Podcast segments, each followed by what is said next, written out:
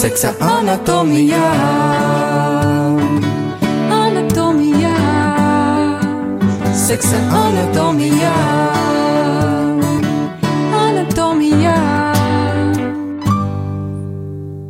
Labvakar, mīļie radio klausītāji! Pēc kaut kādas pauzes, kas ir mūsu raidījumam arī bijusi, atkal esmu kopā ar jums, es, uh, Anna, un raidījums Seksa anatomija. Viss par šo uh, svarīgo tematu, par ko patiesībā sabiedrībā runā varbūt daudz, bet baznīcā varbūt mazāk, mēģinam apskatīt uh, šeit piekdienās pulkstens astoņos vakarā. Ne katru piekdienu mums sanāk, katru otro piekdienu, un, kā jau teicu, bija neliela pauze. Kā vienmēr, kaut gan jāsaka, nevienmēr, bet šoreiz mums ir viesis. Uh, viesis ir viesturs, viesturs vizulis. Sveiki, viestur! Sveicināti! Un uh, es gribu teikt, ka viesturs šoreiz nav eksperts. Uh, viesturs šodien nāk kā ļoti aktīvs uh, man raidījuma seksa anatomija klausītājs, un paldies Jā, tev, viestur, par to. Jā, un uh, cik es sapratu, ka tu negribēji zvanīt man uh, tiešajā ēterā vai rakstīt tur garus ēpastus, bet tu gribēji atnākt un noskaidrot, kas tad īstenībā šeit notiek, un vai visu, ko tu līdz šim esi zinājis, vai par ko esi domājis, ir patiesība vai nav patiesība. Kā tad tur īsti ir? Nu, faktiski, jā, nu, es nezinu, darbojoties dažādās radošās sfērās, citreiz tādi mīti vai nezināšanas, ir, nu, viņus ir svarīgi nosaukt vārdā, ko mēs nezinām, vai līdz galam nesaprotam, un jautāt vēl un vēl. Un tad mēs iepriekš pa jokam jau gan nosaucām šo tēmu par 17 pavasara mītiem, jo pavasara iemīlēšanās tādā gaisotnē, daži mīti par seksu, seksa anatomijā, laikam, nu jā, nu, būtu jāizskata. Tā, tā jau ir, ka faktiski visi jau saka, ka pavasarī tur visi mostās, un ka ir, ir iemīlēšanās, un ir tik skaisti. Vai tas kad, arī ir mīts? Nu, nezinu, es domāju, ka iemīlēšanās mēdz būt uh, cilvēkiem arī vasarā un rudenī un ziemā, un patiesībā man kā auglības speciālistam ir zināms, ka bērni tiek ieņemti ļoti dažādos gadalaikos. Tiešām, jā. Skaidrs, jā.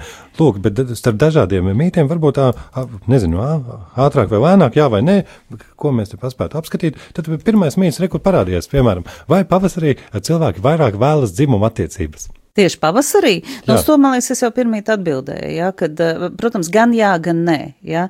Es domāju, ka uh, cilvēks nav dzīvnieks, uh, sāksim jau ar to. Ah, ja. ir tāds mīts arī, jā. Tāds mīts arī, ka cilvēks saka. ir dzīvnieks, jā. Ka cilvēks ir tas dzīvnieks, jā, jā. vismaz šajā seksuālo tieksmi ziņā, vai tā ir vai nav taisnība? Zin, kā ir ar to cilvēku? Patiesībā, ja mēs runājam par dzīvniekiem, tad kad dzīvnieki vēlas seksuālas attiecības, kādu domā? Bieži vienmēr, ja vien ir izdevība, vai ne tā? Nu, un tomēr, teiksim, tam. tam kā nu, vairošanās pamatā. Kā vairošanās, jā. Un īsnībā ļoti daudz, ļoti daudz dzīvnieku pasaulē ir tā, ka tātad mātīte, ja mēs runājam par dzīvniekiem, ir gatava šo te bērnu ieņemt un zemdēt, un tikai tad viņa laiž klāt sev šo te tēviņu, jā, un tikai faktiski tikai tajā brīdī, kad viņa ir auglīga, viņa spēja gūt arī kaut kādu baudu, jā.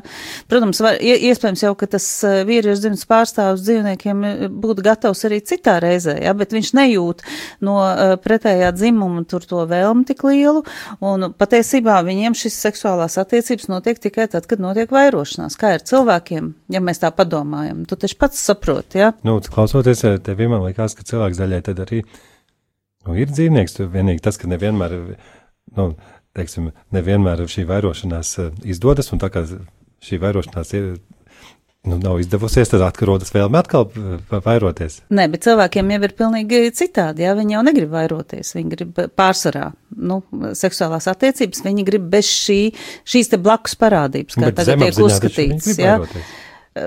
Grūti pateikt, neviens jau to zemapziņu nav pētījis, un neviens nav pētījis to, vai ģenētiskā informācija ir tieši tāda, jā, bet īstenībā mūsdienās ir tā, ka cilvēki pārsvarā grib tās seksuālās attiecības, bet īstenībā to vairošanās elementu Tā kā viņiem liekas, ka tas nenotiks nekad, ja, vai viņi to grib izslēgt, vai viņi no tā grib izbēgt. Ja.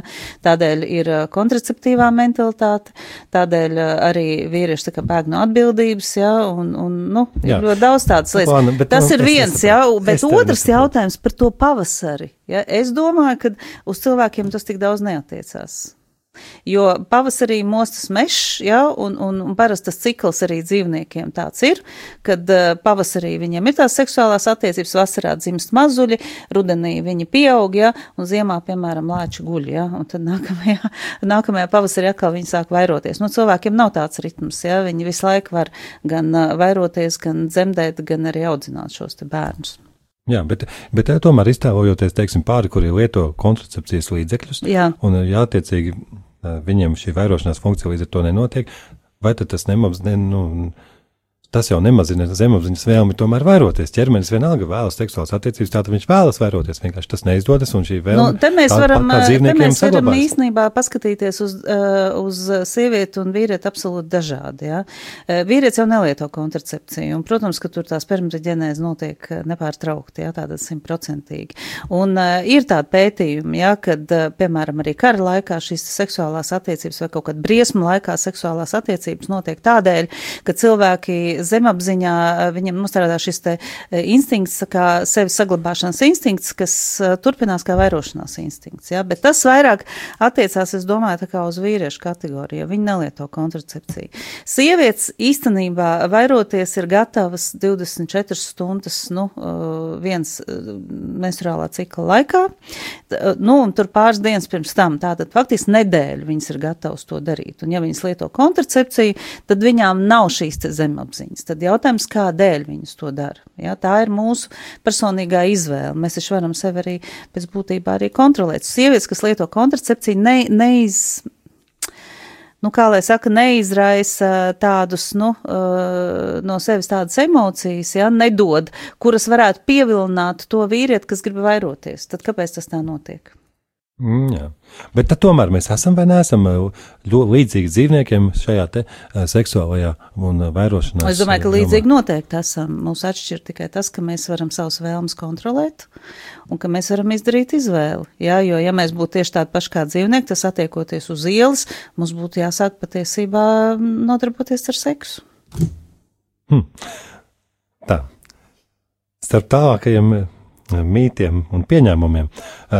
Mēdz uzskatīt, ka vīrietim tātad seksuālās attiecības ir vajadzīgas vairāk, un sievietei mazāk, un sieviete, un sieviete vīrietim tās it kā dāvina, jeb kā jau mēs minējām, dod šis te termins dot.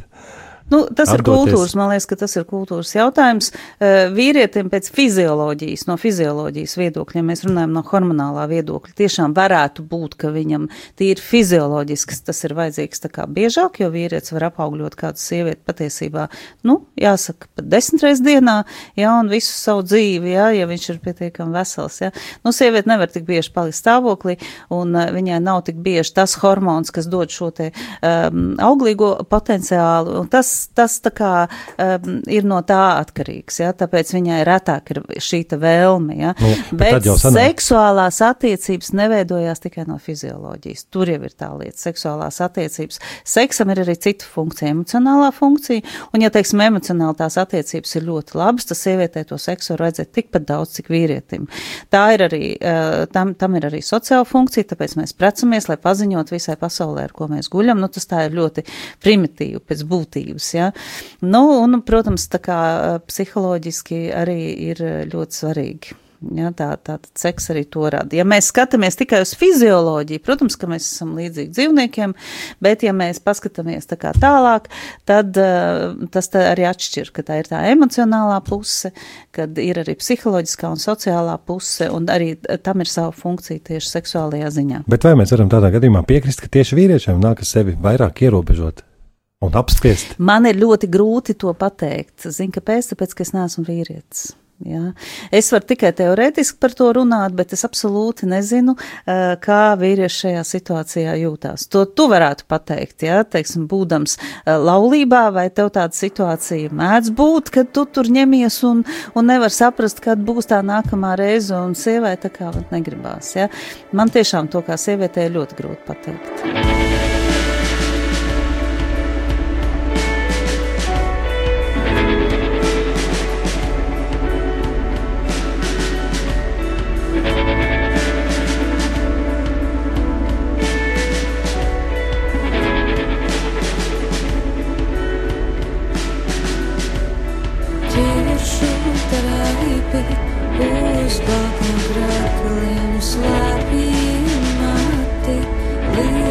snow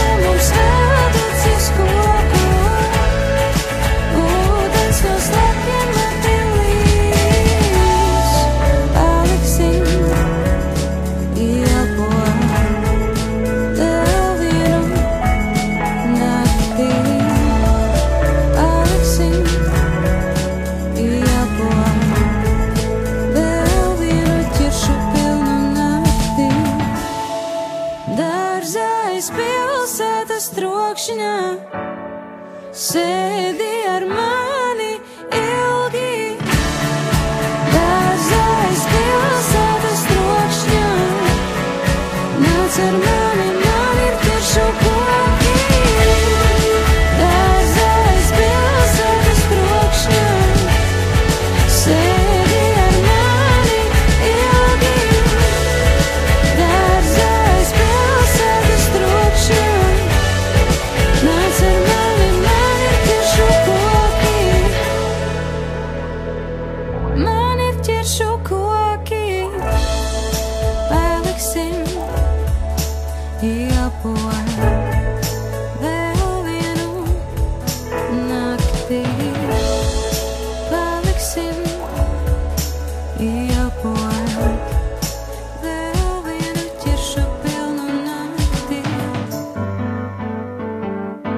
Seksa anatomijā. Anatomijā. Seksa anatomijā.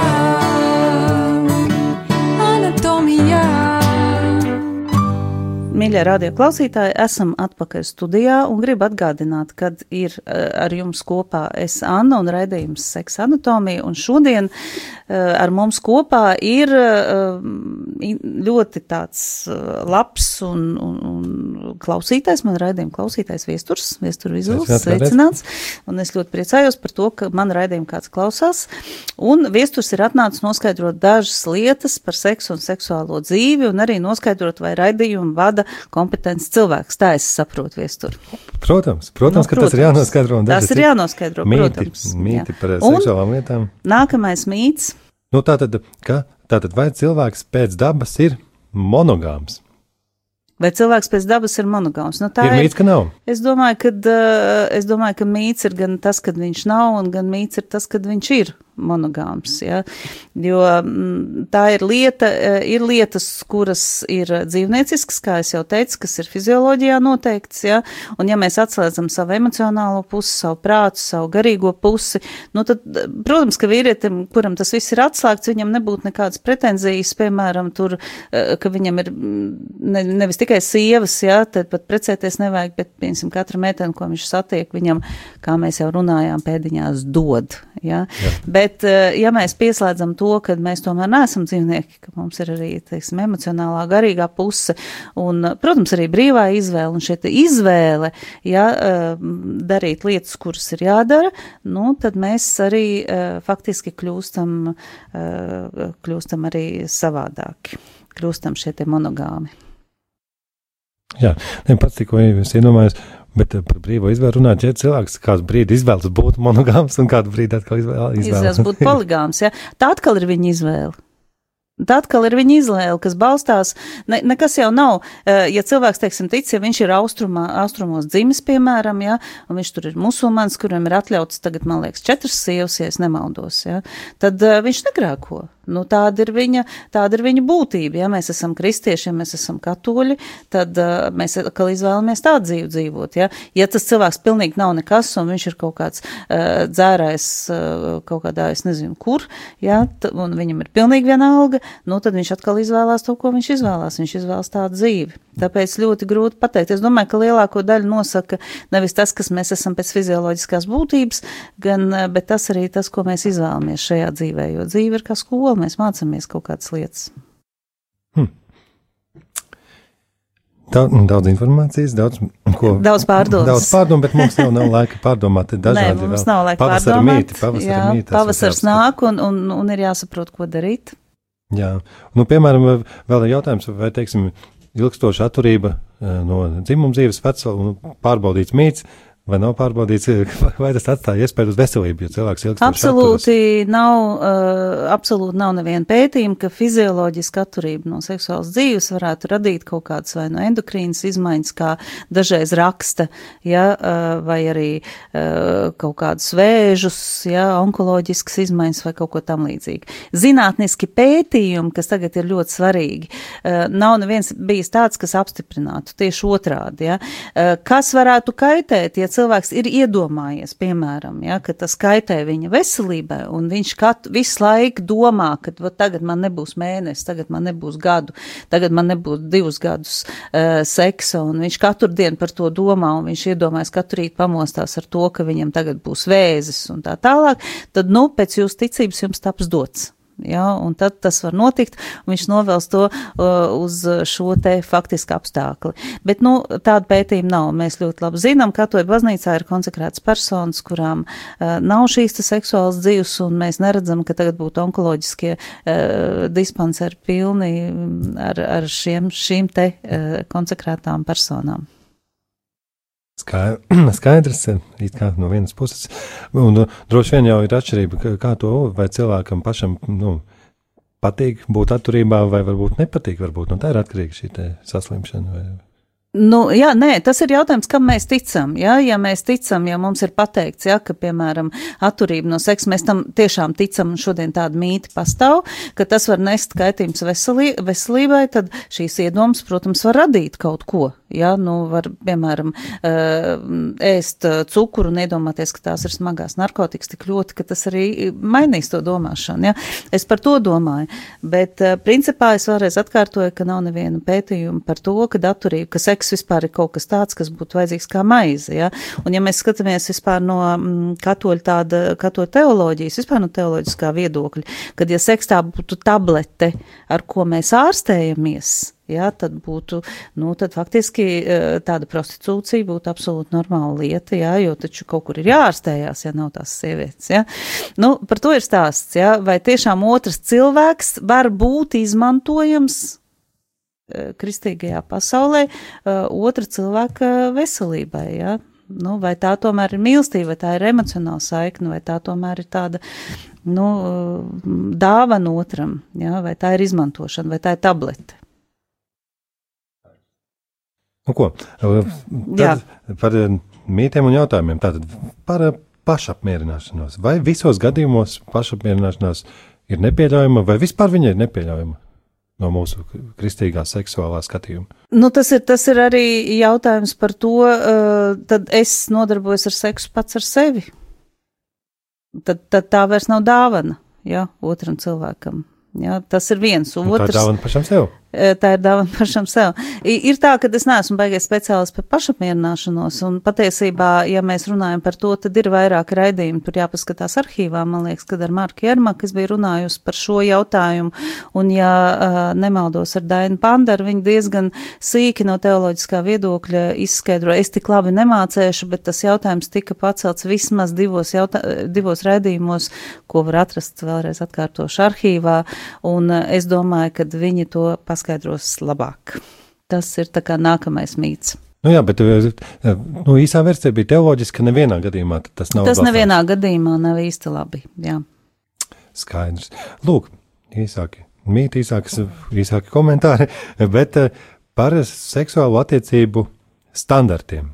Vai ir kādi tādā intīmai lietai, ko it kā dara divi cilvēki, vai ir kaut kādi vispār zināmi standarti, piemēram, dzimumakta garums minūtēs vai citi kvalitātes parametri, par kuriem cilvēkam būtu jādomā. Man, mans kolēģis, jātuvojas. mans kolēģis Mārks savā lekcijā par seksualitāti, viņam tāds arī ir, viņš lasa.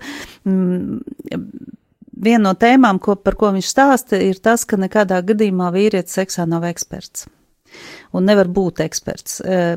Es, kad savās lekcijās par to stāstu, tad es saku, jūs paskatieties, ir tā, tā filma, ko vēl sievietes ar, kā bija tam aktierim, Eh, Mels Gibsons eh, galvenajā lomā. Nē, es redzēju to filmu. Gan. Eh, paskaties, gan. Un tur ir tāda aina, kad viņš pēc tāda elektriskā šoka sāk dzirdēt, ko, ko domā sievietes. Un viņam no sākuma ir nenormāls šoks par to. Viņš tur kaut kāds pāris dienas nevar attiekties. Un um, pēc tam viņš aiziet pie psihoterapeitas, un psihoterapeita viņam pasaka, tā šī baigā dāvana, tu tagad zini, ko domās sievietes, ko viņas vēlas, tu vari būt pilnīgi dievs. Bet viņš ir izaudzis kā mačo, viņš ir paticis ļoti visām sievietēm sievietēm, viņš bija pilnīgi līdz saviem 45, cik tur gadiem, cik viņam ir pārliecināts, ka viņš ir baigies eksperts seksā, un kad visām sievietēm nenormāli patīk tas, ko viņš dara. Nu, viņš noceļ tur kaut kādu meiteni kafejnīcā, jā, un, protams, ka viņš, viņa jau nezin to, bet eh, viņš dzird, ko viņa domā, jā, un tad, kad viņš sāk tur tās visas izdarības, tad viņi, protams, tēlo, bet tā, tā viņas galvā skan, nu, ārprās, nu, tas ideāls, nu, kur viņš to samācies, un viņam tas ir nenormāls šoks, viņš ir daudzus gadus, un tas ļoti pār, apliecina to, ka, vīrie, ka sievietes ļauj vīriešiem patiesībā domāt, ka viņi tajā ir eksperti. Ja? Par kvalitātes standartiem mēs varam runāt tikai dialogā. Divi konkrēti cilvēki, jautājums, kas patīk vienam, kas patīk otram. Nu, varbūt, kad vienai sievietei patīk, ka tas ir vienu minūti, citai sievietei patīk, ka tas ir trīs stundas, bet tikai sieviete var pateikt, kādā veidā to panākt, tāpēc, ka vīrietim viss ir ļoti vienkārši un ātri. Tie ir kvalitātes standarti. Vienkārši runājiet, vīrieši runājiet ar savām sievietēm, un sievietes runājiet ar saviem vīriešiem, un tie būs jūsu standarti. Nu jā, vienkārši un ātri. Aha. Tik vienkārši, jau tik ātri ne, nemaz arī nav. nu, nav, jā, bet runāt, iemācīties ir uh, daudz grūtāk nekā nodarboties ar uh, seksu, vai ne? Tāda standarta paliek iekšienē tikai. Principā jā. Bet kā tad ar uh, anekdotes apsmietējām, tur trīs minūtēm vai vienu minūti garu? Uh, īstenībā es gribu pateikt tā, ka šīs te anekdotes par seksuālo dzīvi un tādām lietām vairāk ir uh, tādās vīriešu auditorijās, ja. Um, es nesen dzirdēju kaut kādu raidījumu, tagad neatceros, kas to teica un par ko teica, kad viena sieviete bija vienam psihologam uzdevusi jautājumu, kāpēc vīrieši tik, viņam patīk runāt par tām neķītrām lietām un, un, un tieši par šo te tēmu, ka sievietes patiesībā tas nedaudz aizskar. Un tas psihologs psihologs saka, nu, vienkārši jautri. Tam nav pat patiesībā nekāda pamata, ja, un tas man tā drusciņi nomierināja, ja, kad vīrieši, nu, nav tāda, ka viņam tur pa neķītrībām grib, tas ir vienkārši jautri par kaut ko parunāt, ja, savā starpā. Ir tīpaši par to, kas notiek gultā, vīrieši, starp citu, runā un, un joko un runā anekdotas daudz vairāk nekā sievietes. Nu, Taisnība īpaši par tādiem uh, noslēpumainiem, nezināmiem jautājumiem, droši vien. Nu, droši vien, jā. Jo es saku, ka uh, sievietes jau patiesībā ir eksperts, viņas visu to zina. Un uh, neviena sieviete nekad sieviešu kompānijā nelielīsies, ja tur ir trīs minūtes vai piecas minūtes vai kaut ko tam līdzīgi. Tas arī ir jāsaprot. Tas, uh, kādā veidā notiek seksuālā dzīve sievietēm un ar cik vīriešiem, piemēram, ja viņi ir pārgulēs, tas pat paliks tikai pie viņas, ja.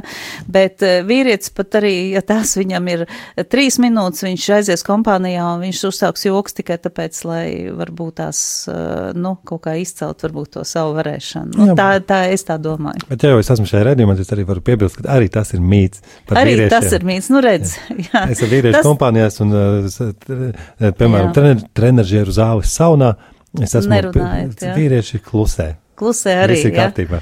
Pat jā. pazīstam vīrieši, iespēja nu, tas, tas ir tas, protams, ko es kā sieviete esmu lasījusi un, un, un dzirdējusi, jā, tāpēc, kad es neesmu bijusi vīriešu sabiedrībā kā vīrietis, jā, bet, nu, tas, tas ir atkal tāds varbūt droši vien, kad mīts, kuru mēs atkal noskaidrojām. Vai ne? Jā. Lūk, par tā saucamajiem seksa veidiem droši vien tāds mīts, nemīts, bet vai baznīca atbalsta, tā teikt, dažādus seksa veidus? Jā, arī par to mēs runājām ļoti nopietni patiesībā vienā no raidījumiem ar uh, Dainu Pandaru. Tur ir vesels raidījums, ar viņu ir ierakstīti divi, un uh, par šiem te dažādiem uh, seksa veidiem tieši no bībeles viedokļa viņš gan nav katols, bet viņš tik labi aprakstīja, ka uh, man laikam tomēr ir uh, grūti, uh, nu, teiksim, labāk izstāstīt. Tāpēc uh, atkal, ja tu bet esi. Tā īstā galvenā būtība, teiksim, ir, ka neti, tas arī, acīm redzot, nav atbalstāms.